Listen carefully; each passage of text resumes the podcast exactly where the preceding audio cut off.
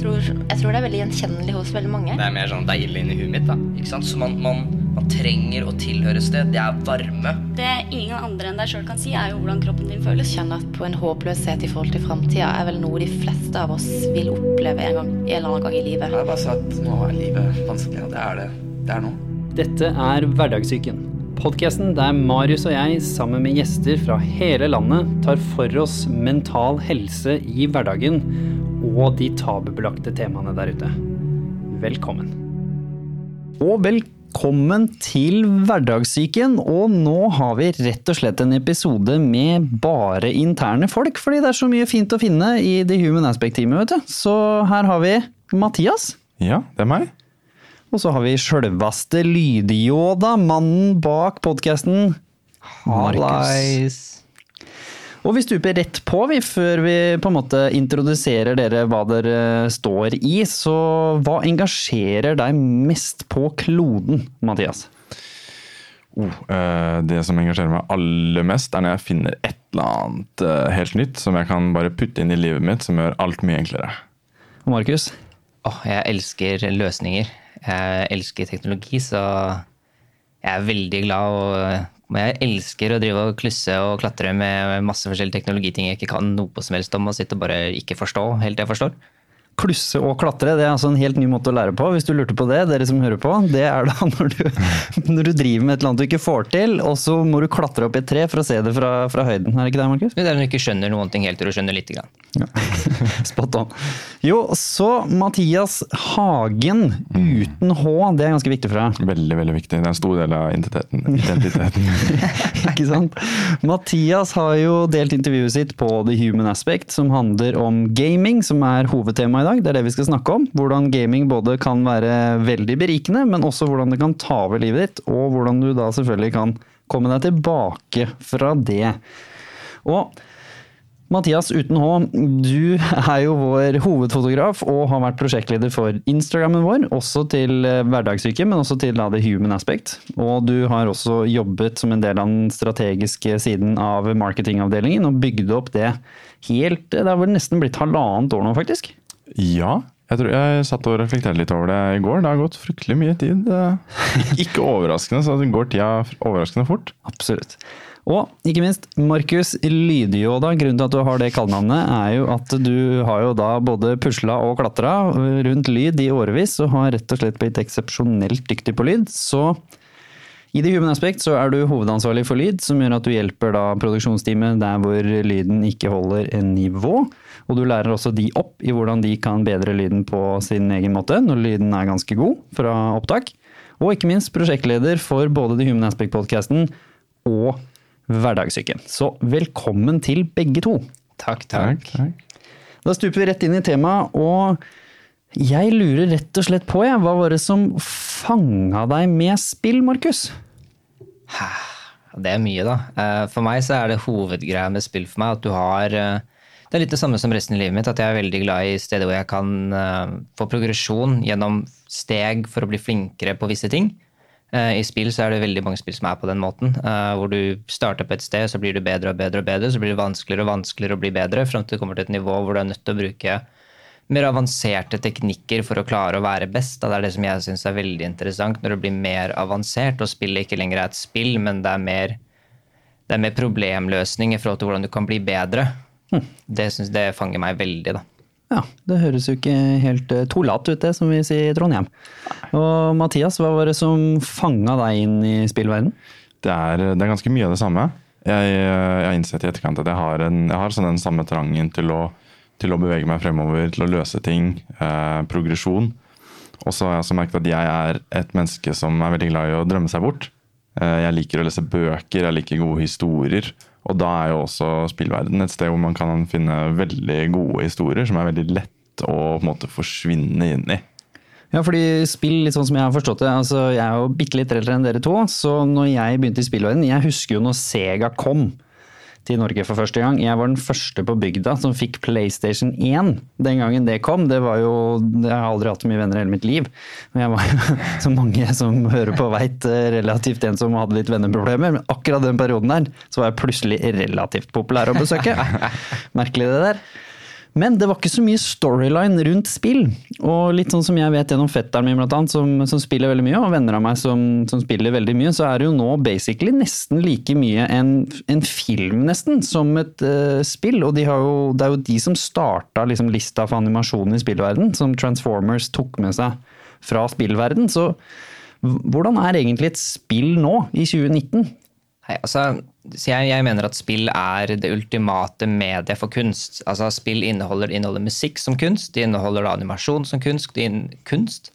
det inneholder uh, film som kunst, fortellinger som kunst. Uh, alle disse typer tingene. Samme lyddesign. Alle de tingene her forbindes inn i ett medium. da.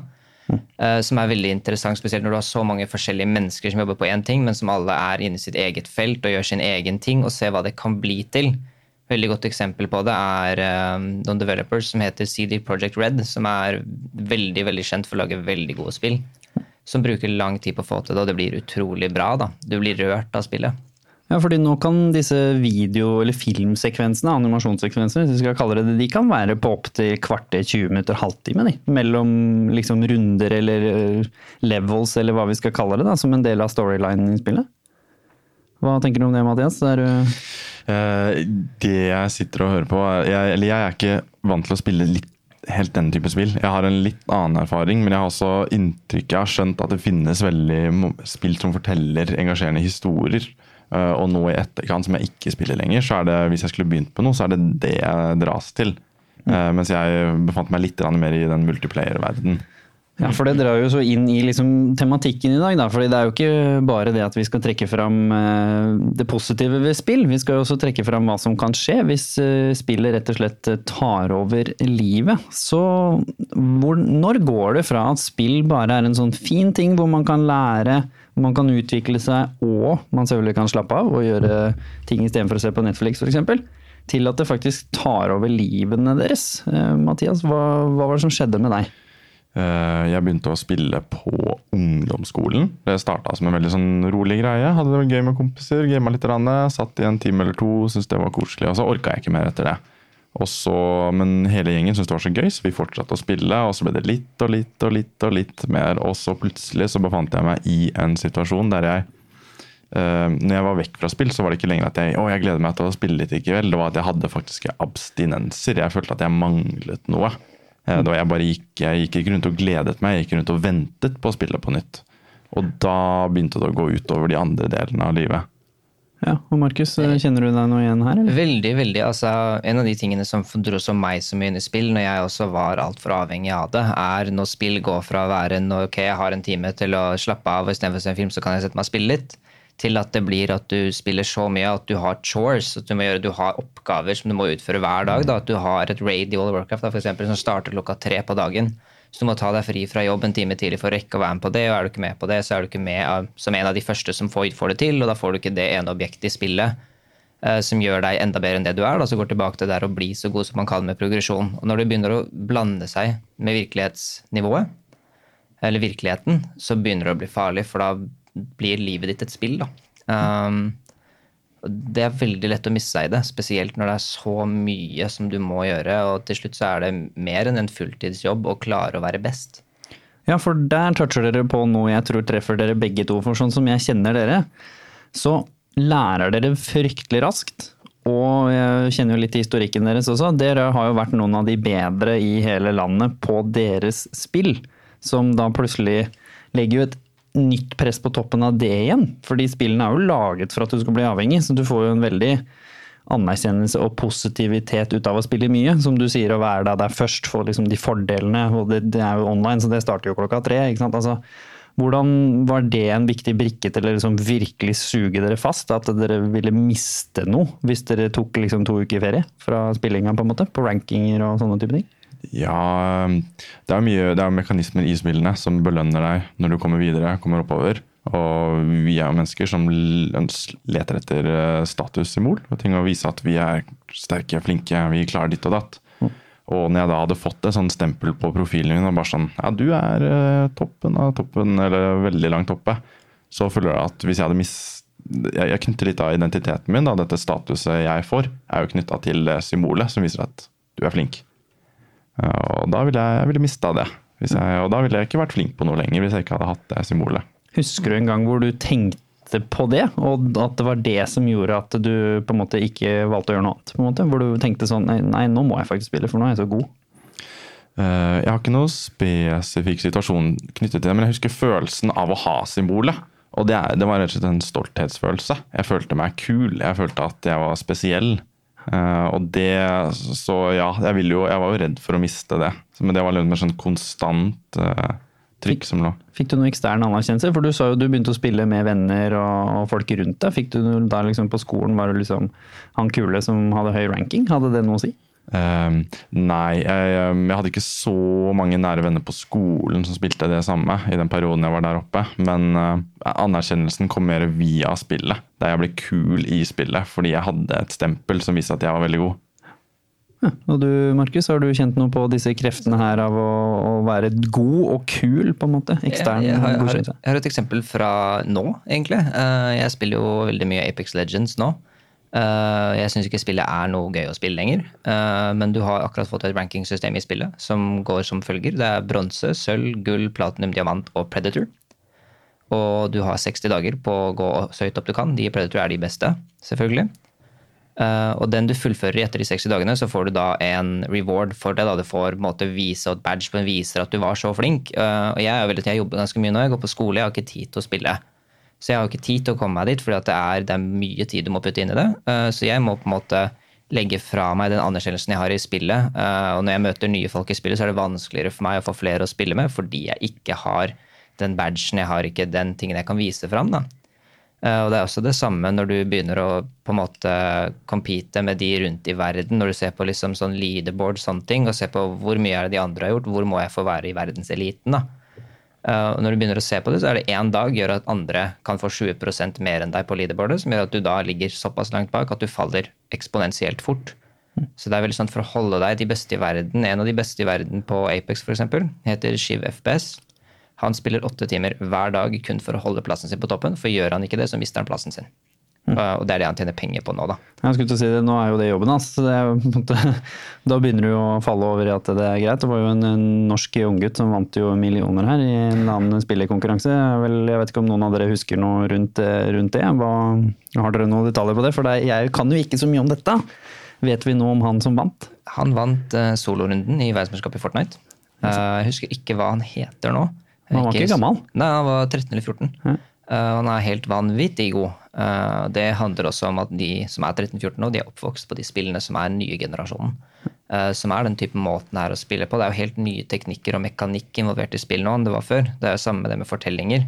Det er jo ikke mange år siden man tok inn filmstrategier og filmvinkler og begynte å skrive skript og på en måte ha på masker og sånn for å ta ansiktsuttrykk da, i spill for å få en mer immersive erfaring eller experience med det. Og det er det samme med online-spill. Er at Det er ikke lenge siden det ble så kompetitivt som det er nå, og du har verdensmesterskaper og e-sport, og det er så mye penger i det at hvem som helst kan klare det. da.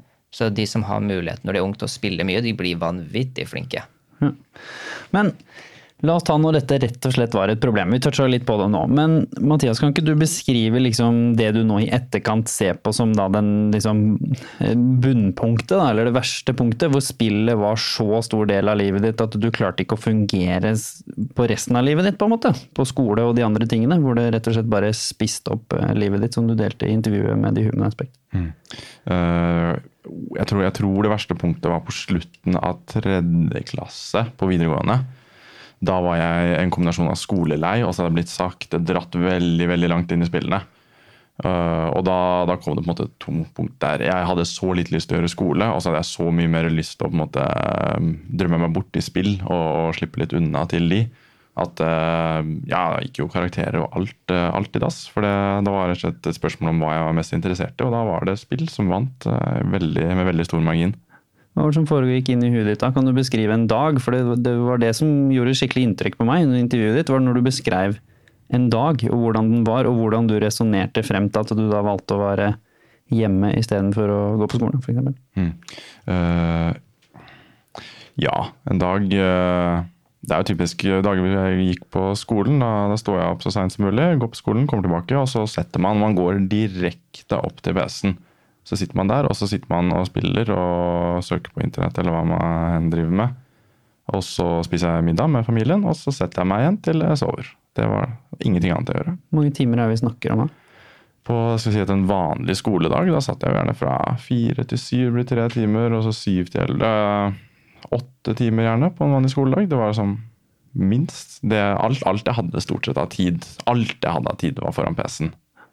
Hvordan eh, gikk det på en dag da hvor du ikke hadde skole? Det var akkurat det samme, bare at da fylte jeg Da bare satt jeg foran PC-en istedenfor å gå på skole. Du kan sitte For hjernen din endrer seg jo sakte, men sikkert. Og til slutt så kommer du til et punkt der hjernen din er programmert for at du blir ikke sliten av å sitte foran PC-en, for det er det du gjør. Så du har ikke noe problem med å sitte bom stille hele dagen og gjøre ingenting annet. Hvordan påvirker det her tidsperspektiv og liksom kroppen din? Og så, hvordan blir du som person når du plutselig det har gått 16 timer da, og du satt foran PC-en? på en måte? Jeg personlig, jeg, jeg, hadde en liten stemme som sa inni meg at det her er ikke bra, dette liker jeg ikke. Men jeg hadde jo ja, jeg ble litt sånn Jeg var avhengig. Hjernen din er programmert på en egen måte. Så idet jeg la meg, idet jeg måtte brøt vekk fordi ok, nå skal jeg sove, da, da på en måte, det er liksom Du sitter, du sitter um, og ser på kino. Og så midt underveis, underveis, i filmen, midt i, så plutselig kan du på en måte våkne til. Og så, sånn, og så husker du oi, jeg sitter på kino, jeg er ikke i en film. Uh, og det var litt sånn det var litt som det, da. Den følelsen at oi, du våkner opp litt. Uh, og så tenker jeg hva jeg har gjort i dag. Nei, jeg har sittet foran PC-en i 16 timer. Uh, og det har jeg egentlig ikke lyst til, og det føles skikkelig dritt. Og da blir du lei av deg selv, og så våkner du opp neste dag og gjør det samme. Har du også følt på den at du har sittet så mange timer der, så er du ferdig, og så tenker du over hva du kunne fått til med de timene hvis du ikke hadde sittet på PC-en? Mm -hmm, mm -hmm. da blir du ikke glad i deg selv. Ja, det er en forferdelig følelse. Altså. Det er skikkelig. ja, Markus, hva gjør det med deg selv? Hva, hvordan kan det påvirke selvbildet ditt, dette her, når det liksom begynner å gå for langt, og det har gått for langt lenge, og det begynner å påvirke karakterer, vennetid, og liksom selvfølgelig spiser opp livet ditt, da, sånn som i Mathias sitt tilfelle? Altså, du knytter jo da, Problemet er jo at du begynner å knytte venner og det du får til, og progresjonen du har i livet, til PC-en. Så altså det du får til, er der. Det har du ingenting du kan vise til i livet. Så når det går for langt, så sitter du jo med Du bytter ut vennene i virkeligheten sammen med vennene i spillet. Du bytter ut karakteren du har på skolen sammen med gode tødlertegn karakterer i spillet. da. Og du begynner å bytte ut alle de gode verdiene i livet med verdier i spillet. og altså det er på en måte ofringer man gjør da, for å bli bedre. Er, det er det som er negativt. man, Hvis man har lyst til å bli best, så er det det man må gjøre, som er det som er kjipt med spill. Det er der avhengigheten starter, og det er der det begynner å tære ned på livet ditt. da. Og nå som dere ser tilbake på det, da. Dere kan svare dere som føler dere har på en måte mest å, mest å komme, holdt jeg på å si. Sånn, nå som dere ser tilbake på det, er såpass gløgge som dere er. Hva i spillene er det som er så avhengighetsdannende? Og, og hvordan er det dette liksom er designet for å ta over livet ditt også? Det jeg innså når Markus prata nå, var at det dekker jo visse behov. Du, vi er jo veldig trukket mot det komfortable, og det er jo veldig komfortabelt. Det krever ingenting av deg. Du bare sitter der og slapper av og gjør som du vil. Eh, og så får du status, og så får du det sosiale. Eh, og de tre tingene var for meg og mange andre tror jeg, nok til å fange deg der, rett og slett. Mm, mm. Fordi når, ja, fordi når dere nå sier sosiale Jeg spilte jo Det var jo ikke sosialt. Vi, det var i så fall fordi noen satt ved siden av meg og spilte. Hvordan funker det på online-spill? Hvordan er det sosialt? For jeg har jo skjønt at man kommuniserer jo og, og spiller jo på lag og sånn og snakker med headset og sånn sammen. Hvordan er dette funker egentlig? Det er helt Det er nesten helt vanlig at alle har en mikrofon i online-spill nå. Eh, altså, det var en periode også hvor du prata med andre lag, tilfeldige mennesker, og snakka dritt til hverandre. og sånne ting, Og nå er det sånn at skal du ha noen å spille med, har ingen venner å spille med, så fins det tusenvis av forumer hvor du går inn og sier dette her er nivået jeg er på, vil du spille med meg? Og så går du inn i et lag, og så spiller du med dem. Og da sitter man ofte og spiller sammen med de, og så plutselig er du kjent med 15-16 stykker. Det er veldig åpent. altså Jeg har jo en jeg spiller med nå, som er fra Nederland. Jeg vet om været, hvordan det er hjemme hos han, jeg vet hvordan det går med jobben hans, jeg vet hvordan det går med økonomien hans, jeg veit når han flytter hjemmefra. Jeg vet hvilken PC han har, hvordan rommet hans ser ut. Alt, Han er blitt en venn, da. ikke sant? Og det er jo det at når det blir så sosialt at alle Du har masse venner som føles så ekte. Men hvis jeg slutter å spille i dag, så betyr jo han egentlig veldig lite for meg. Egentlig. Han har jo ikke gitt noe verdi til livet mitt annet enn at jeg har hatt noen å prate med, og som jeg har hatt det gøy med i spill. Da. det er en, på en, måte, en opplevelse der, men det er jo ikke noe mer enn det. Og da, Mathias, eh, når var det du skjønte at nå holder det? Når var det den lille stemmen inni deg på en måte fikk eh, overtak igjen, og, og du, du snudde, da? Og du begynte å se på spill heller som noe du faktisk gjør, da, den ene timen eller to timen, eller når du har lyst og ikke spiser opp livet? Det, dit kom jeg aldri. Eh, Det var ikke noe sånn tuna. Det, ble, det jeg bare kom til et punkt der jeg klarte å skru det av. Men jeg, hadde, jeg skjønte jo veldig tidlig at dette er ikke noe jeg har lyst til å drive med. Sånn har jeg ikke lyst til å leve livet mitt. Um, men så var jeg avhengig, så da sleit jeg. Men så etter hvert så begynte jeg å jobbe med meg selv, kom litt videre. Og så hadde jeg perioder hvor det gikk litt opp, litt ned. Og så Men da det virkelig røyk, det var når jeg måtte fant noe å bytte det ut med. For det var flere ganger jeg hadde prøvd å slutte. Eh, hadde, det var én gang spesielt hvor jeg bare jeg klarte å dra fram alt jeg hadde viljestyrke. Så gikk jeg inn, sletta spillet, logget ut av Reddit, som jeg også brukte mye tid på. Og, og så satt jeg der, da. Plutselig bare poff, så hadde jeg trylla fram tolv timer fritid hver dag. Og hadde ingenting å fylle det med, og jeg hadde en hjerne som konstant lengtet etter gaming. Da varte jeg i tre dager, og så var det tilbake igjen. Det høres litt ut som narkoman. Det, måte, det, beskriver noen av de samme symptomene, på en måte. Ja, ja det er jo det er en eh, reell avhengighet, rett og slett. Det du, det er, du får abstinenser. Det er kjempeinteressant. Ja. Så hva var det du fylte med det med da, til slutt, siden du faktisk eh, klarte det? Hva var oppskriften din for å klare å komme deg ut av det? Eh, Oppskriften min det ble å, å komme meg inn til et helt nytt miljø. Jeg hadde gode venner, men, hadde venn, men de vennene var også glad i å spille. Og når du ønsker å slutte å spille, og alle vennene dine spiller, så er det litt vanskelig å slutte selv. Og så det jeg gjorde var at jeg flytta til en annen del av landet, begynte å studere, og så kjøpte jeg meg en ny PC som var helt forferdelig lite gaming. Så jeg kom meg, inn, jeg kom meg inn i et nytt miljø, og så, og så jeg, gjorde jeg det litt ekstra ekstra vanskelig for meg selv. Men hovedgrunnen var at jeg hadde det så fint der. Jeg fant et nytt miljø. Jeg hadde, så, jeg hadde noe så fint å bytte ut gamingen med at det gjorde det veldig, veldig mye enklere. Hva var det du gjorde da? Det var, det var når jeg flyttet til uh, og begynte å studere. Da, jeg, um, da kom jeg inn i et nytt miljø hvor det var ikke noe spill og venner og masse spennende ting som skjedde. Hva er det dere drev med? Vi uh, Si det, si! Ja, Altså, vi si drev ikke med noen ting. Altså, du, du studerte jo også i Volda, så det er også mye natur og mye spennende ting som eh, skjer oppi høyet der òg, er det ikke det? Så det ja, var, det, var, det var en god kombinasjon av uh, ut på byen med venner, fjell, natur, uh, trening, brettspill med venner, middager. Litt sånn det som veldig mange andre driver med, på en måte.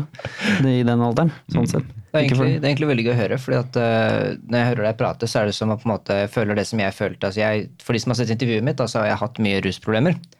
Uh, og for når jeg kom meg ut av det, på en måte, så var det også litt av den samme følelsen. At jeg fikk nye folk rundt meg, var hovedårsaken for meg, da, men at jeg fikk helt andre verdier rundt meg. At jeg har en ytre på en måte påvirkning. Altså når jeg gikk fra å være med de vanlige folka jeg var med, som satt og røyka og satt og dro linjer og sånne ting, og så, som hadde en helt forskrekkende type verdi, da.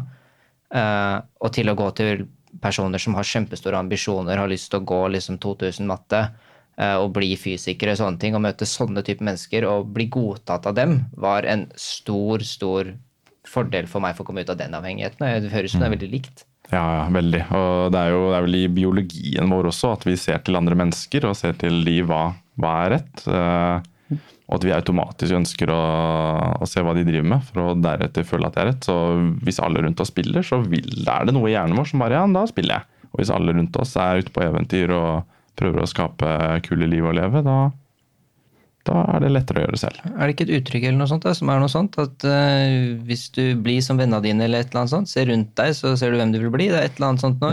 Noe sånt. Det hørtes eh, noe sånt klokt ut. uh, Men du snakket om i stad du, du, dere følte dere dritt. Når dere visste at dette ikke var bra for dere, men dere klarte ikke å la være. Hva skjer da med den følelsen når dere klarer å la være, og erstatter det med noe annet, men kanskje på et eller annet tidspunkt også kan fortsette å spille, men da at det ikke tar over livet? Hva gjør det med det indre livet? Det har aldri vært så stille i hverdagssyken-podkastrommet. Det. Det er alltid vanskelige spørsmål, Jimmy. Det må dere være forberedt på. Kan Ja, ja, ikke ja, ja. dukke opp her og ikke tro det kommer noen vanskelige spørsmål. Nei, men liksom, hva, hva gjør det med, med stemmen i dere, da? Fordi hvis den fløy rundt og hele tida sa at dere var eh, svake og ikke hadde viljestyrke til å komme ut av det og hadde feila og kanskje burde drive med noe annet, alle de, de kjipe stemmene som alle vi tre i rommet her har kjent på av forskjellige årsaker, hva skjer med den når man klarer å overkomme én ting, da?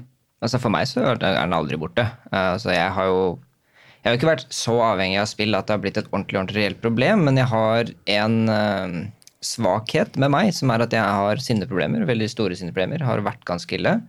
Eh, Det eneste stedet de kommer ut i dag, er i spill. Det er det eneste stedet de blir provosert fram. Eh, og for meg har det alltid vært at når jeg ikke spiller, så kan jeg tenke på at ja, men da slipper jeg å være sint. Da slipper jeg å være sint, Og så tenker jeg på spill at det er bare en hobby.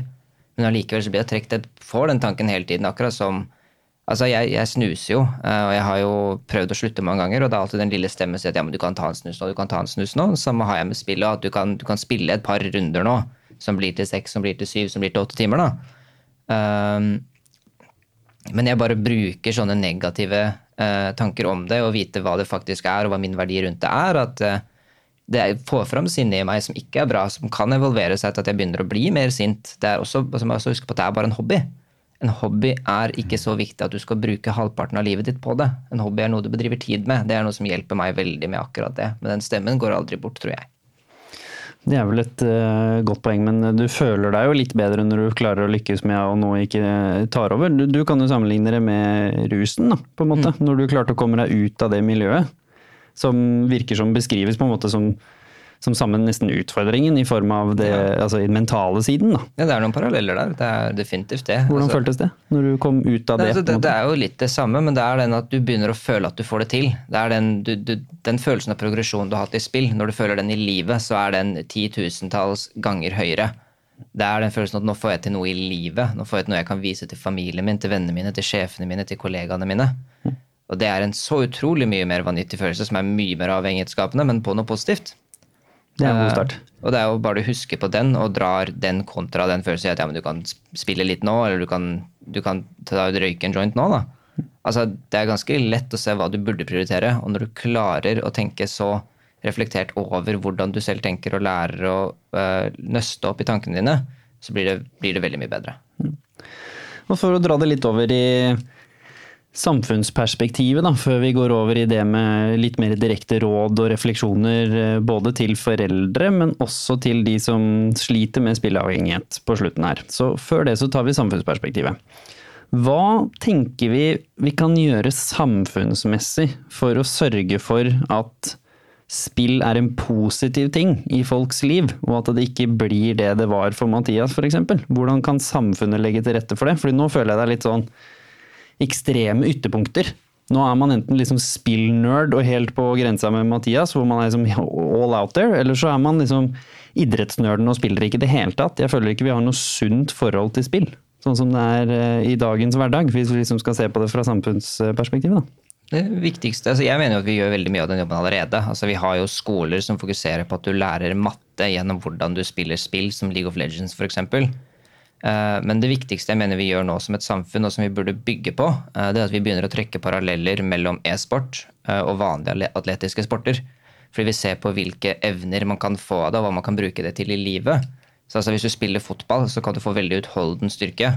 Akkurat som hvis du spiller mye spill, så kan du få veldig veldig god presisjon. Du kan få veldig, veldig god um, mekaniske evner da, til å bruke hender sånn som du vil, og bruke, gjøre flere ting på en gang og multitaske. Strategisk forståelse. Mm, mm. Og det kan brukes i veldig mange sammenhenger i livet òg.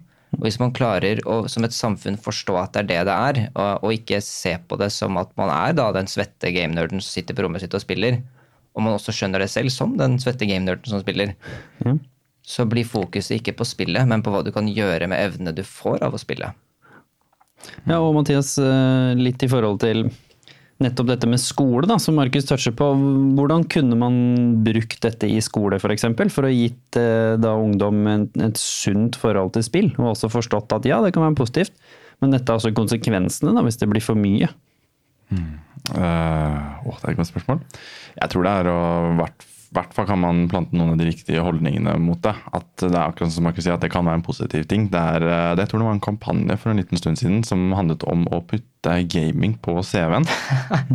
ja, var, Så den syns jeg var helt teit. Uh, det er i hvert fall uh, Men det er jo det er noen ferdigheter du får. Det er noe verdifullt i det. Um, det trenger ikke bare være at du sitter og spiller World of Warcraft hele dagen og spiser Cheetos. Det stereotypen. Ja. ja. Men hva kan f.eks. eksempel, samfunnsperspektiv da, hva kan f.eks. være det negative med at en norsk 13-åring vinner millioner i en alder av 13 år?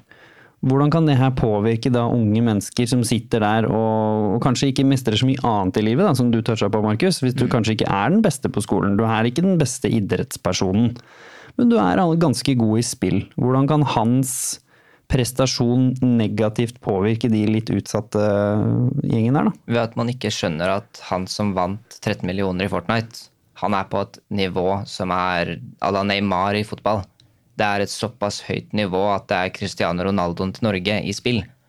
Og selv om du er 13 og selv om du er ganske god i spill, så handler det veldig mye om talent. At du kan ikke oppnå det bare ved å spille. Det handler om ordentlig, ordentlig trening og ha alt tilrettelagt rundt deg for det. Så du kan ikke se på det at hvis én klarer å vinne så mye, så kan du bare spille masse og bli rik du òg. Det er ikke sånn det fungerer. Det er jo den samme parallellen som jeg drar til fotball veldig ofte her, da. Men det er jo at fotball er veldig sunt, selv om du Det kan jo ta over livet ditt, det òg. Du bare spiller fotball og bare øver på å bli best der og har ikke noe sosialt liv og har ikke jobb, sånne ting. Det samme skjer med spill, men det er ikke sunt å sitte med dårlig holdning eh, og bruke masse penger på det her og sitte og spille og spille og spille og bare utvære øynene dine og hjernen din hele tiden på det. Men hvis man klarer å sette med på hva det er evnene du får av fotball, da, som er sunne treningsevner, men så er de mekaniske evnene du får av spill, og se på at du kan få de selv om du ikke er best Det blir liksom litt balanse igjen, som man mm. snakker om i, i, helseperspektivet og i jobbperspektivet, og perspektivet også. Vi hadde jo burnout eh, her for ikke så lenge siden.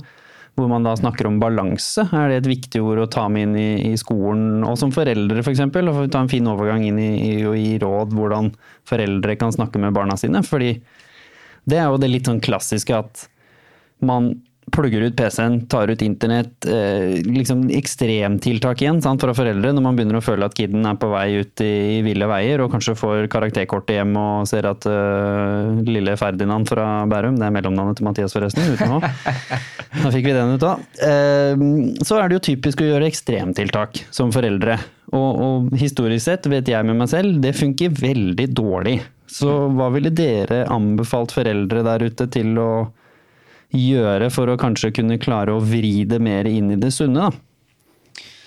Det første man må gjøre, man må i hvert fall etablere en måte å kunne prate om de, eh, med de om spill, eh, uten at det blir en sånn veldig negativ samtale. Eh, fordi negativitet skrur av hjernen din, og da vil man ikke høre på noen i det hele tatt. Så jeg tror det første er i hvert fall å kunne vise, vise interesse. Uh, faktisk finne ut av hva er det egentlig de driver med, hva er dette spillet. Uh, jeg vet at uh, Terry Cruise, han kjendisen, han kjøpte faktisk Han gjorde Sønnen hans elsket, elsket å spille. Så han, han, kjøpte rett og slett en PC, og så bygget de en PC sammen som en far og sønn-greie. Og han virkelig, han, han skjønte at Han skjønte sannsynligvis risikoen også, men han skjønte alt det gode som kunne komme ut av det. Så han inkluderte seg selv skikkelig og gjorde en far-sønn-aktivitet ut av det. Og det, det tror jeg kan være veldig, veldig fint. Mm. Markus, hvordan justerer man Hvis det er et problem, da. Hvis vi later nå at uh, du snakker til de foreldrene som faktisk har et problem. Kiden her er uh, på vei ut i en dårlig, en dårlig, trend, og det går utover skolen, det går utover sosiallivet til det fysiske sosiallivet mm. til, uh, til jenta eller gutten det er snakk om. Hva, hva, hadde du gjort da, som forelder med den erfaringa du har? Nei, altså det jeg ser på det som det viktigste, hvis du har, uh, hvis du har barn da, som spiller veldig mye altså Én ting er jo det at du kan ikke være negativ og bruke det som straff og ikke få spille. fordi det gjør den trangen til å forsvinne inn i en annen virkelighet så mye mer lett å falle inn i.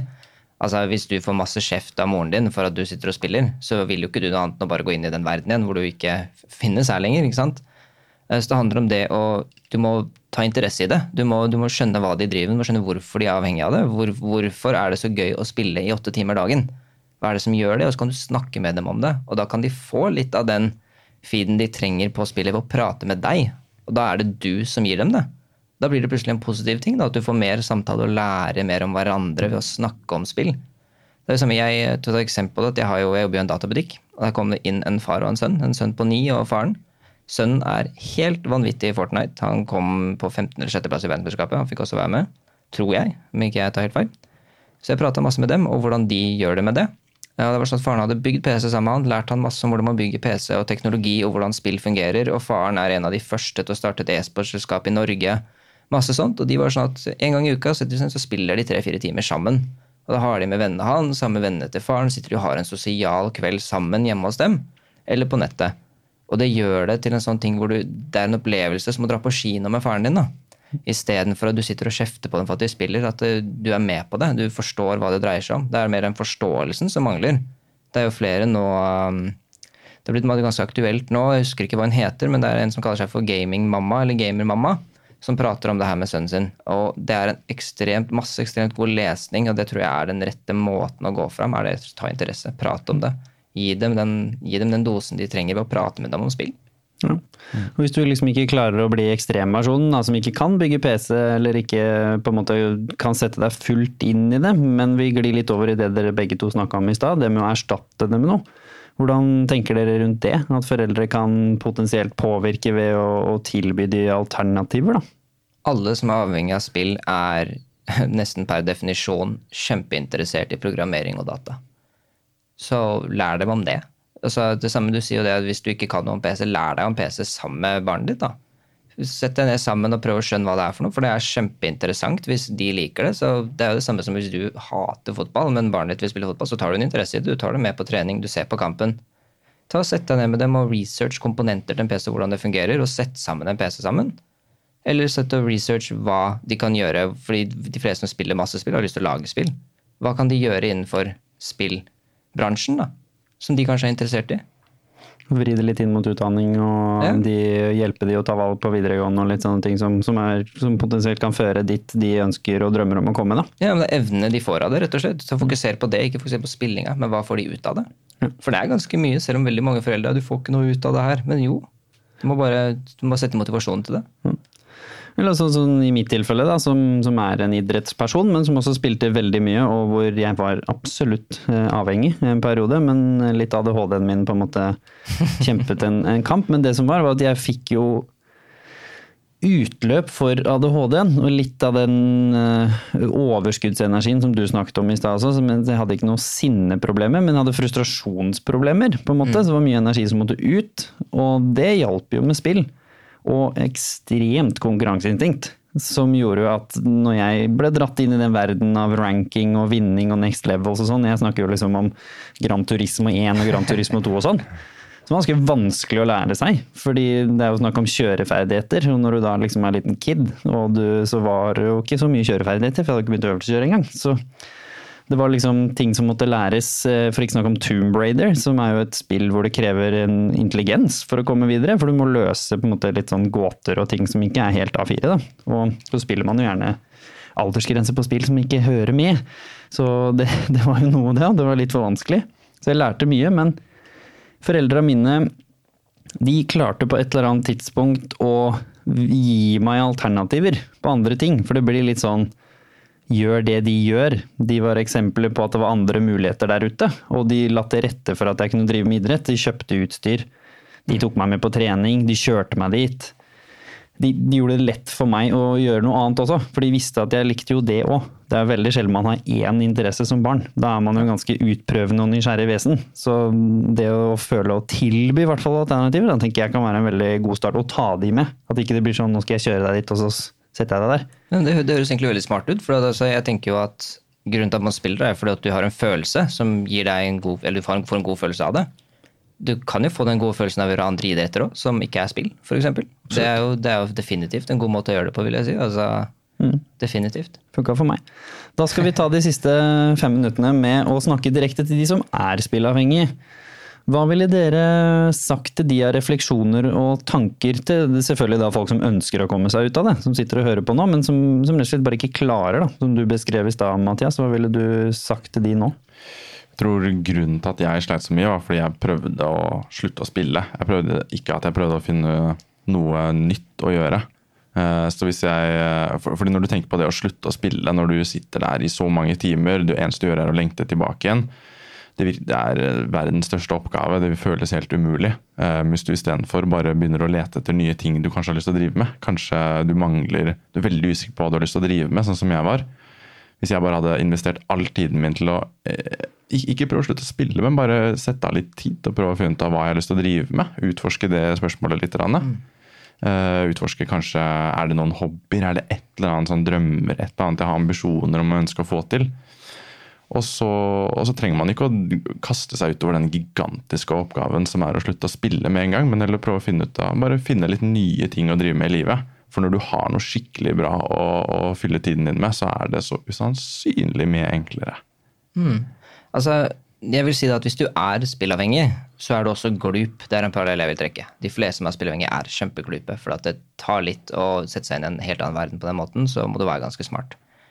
Og hvis du vet at du er ganske smart ved å gjøre det, selv om du kanskje ikke gjør det bra på skolen, sånne ting, så er det en helt annen type intelligens. Og hvis du bruker den til å finne hva kan jeg gjøre med den intelligensen som er likt som spill, hvilken bransje, hvilken jobb, hvilken utdanning kan jeg bruke det her i? altså så som For meg, da, altså jeg bruker den, den dedikasjonen jeg har til spill, bruker jeg nå i matte. Og jeg syns det er like gøy. Jeg synes, nå syns jeg matte er gøy. Jeg hata matte da jeg var liten, men fordi jeg ser på det som et spill, så er det kjempegøy. Og jeg synes det er utrolig kult å drive med. Så er, for meg er det rett og slett bare den Se på hva du klarer å gjøre, hvorfor du er Hva er det du gjør når du spiller hele tiden? Hvilke evner er det du bruker? Og sett det inn i et real life-scenario, da. For du kan bruke det til i livet. Altså, det, det, hvis du gjør det, så kan du veldig lett komme deg ut av det. Og det trenger jo ikke å være at du sitter og taster veldig fort eller er veldig flink med musen. Det kan være en evne til strategi, multitaske, fokus. Ja, Samle info, da, sånn som deg. Det er, jo, altså, det er jo nok en av grunnene til at du var så god i World Warcraft som du var òg. At du, du er sinnssykt god på research. Og se på deg nå, da. Du er jo research-kongen, ikke sant. Det er jo definitivt ender du sikkert har plukka med deg opp fra derfra. Litt av det, i hvert fall. Og har utvikla det, da. Absolutt. Og litt sånn eh, enkelt første steg, da. Hvordan liksom, hva er det første småtinget man kan gjøre, hvis vi skal avslutte med det før vi takker for oss eh, i dag? Pauser. Ta pauser når du spiller. Hele tiden. Spill en time, ta en time pause. Gjør noe annet. Samme hva. Bare så du kan tenke. For når du spiller, så tenker du ikke. Mm, Det var Markus. Mathias? Tenk over en eller annen drøm, en eller annen ambisjon du har, og så bare begynn å, begynn å fundere litt på det. Finne ut av hva det er. Um, og når du, når du har den ambisjonen litt tydeligere, så vet du hva du skal gjøre videre. Du må ikke være spillproff, da. Nei. Helst ikke det. Ikke vinne 30 millioner i Fortnite. Nei, og det var det for denne episoden. Tusen hjertelig takk for eh, at dere kom, både Mathias og Markus. Jo, tusen takk for det. Og ikke minst eh, tusen hjertelig takk til dere som eh, hører på. Som dere vet, så ønsker vi veldig gjerne at dere tar kontakt med oss på Instagram eller på Facebook og foreslår både temaer og ikke minst gjester til hva vi skal ha utover høsten. Det setter vi enormt pris på. Og igjen takk til Livslyst og Motivasjon som låner oss dette podkast-studioet her på Majorstua. Hei då! Adjø. Ha det!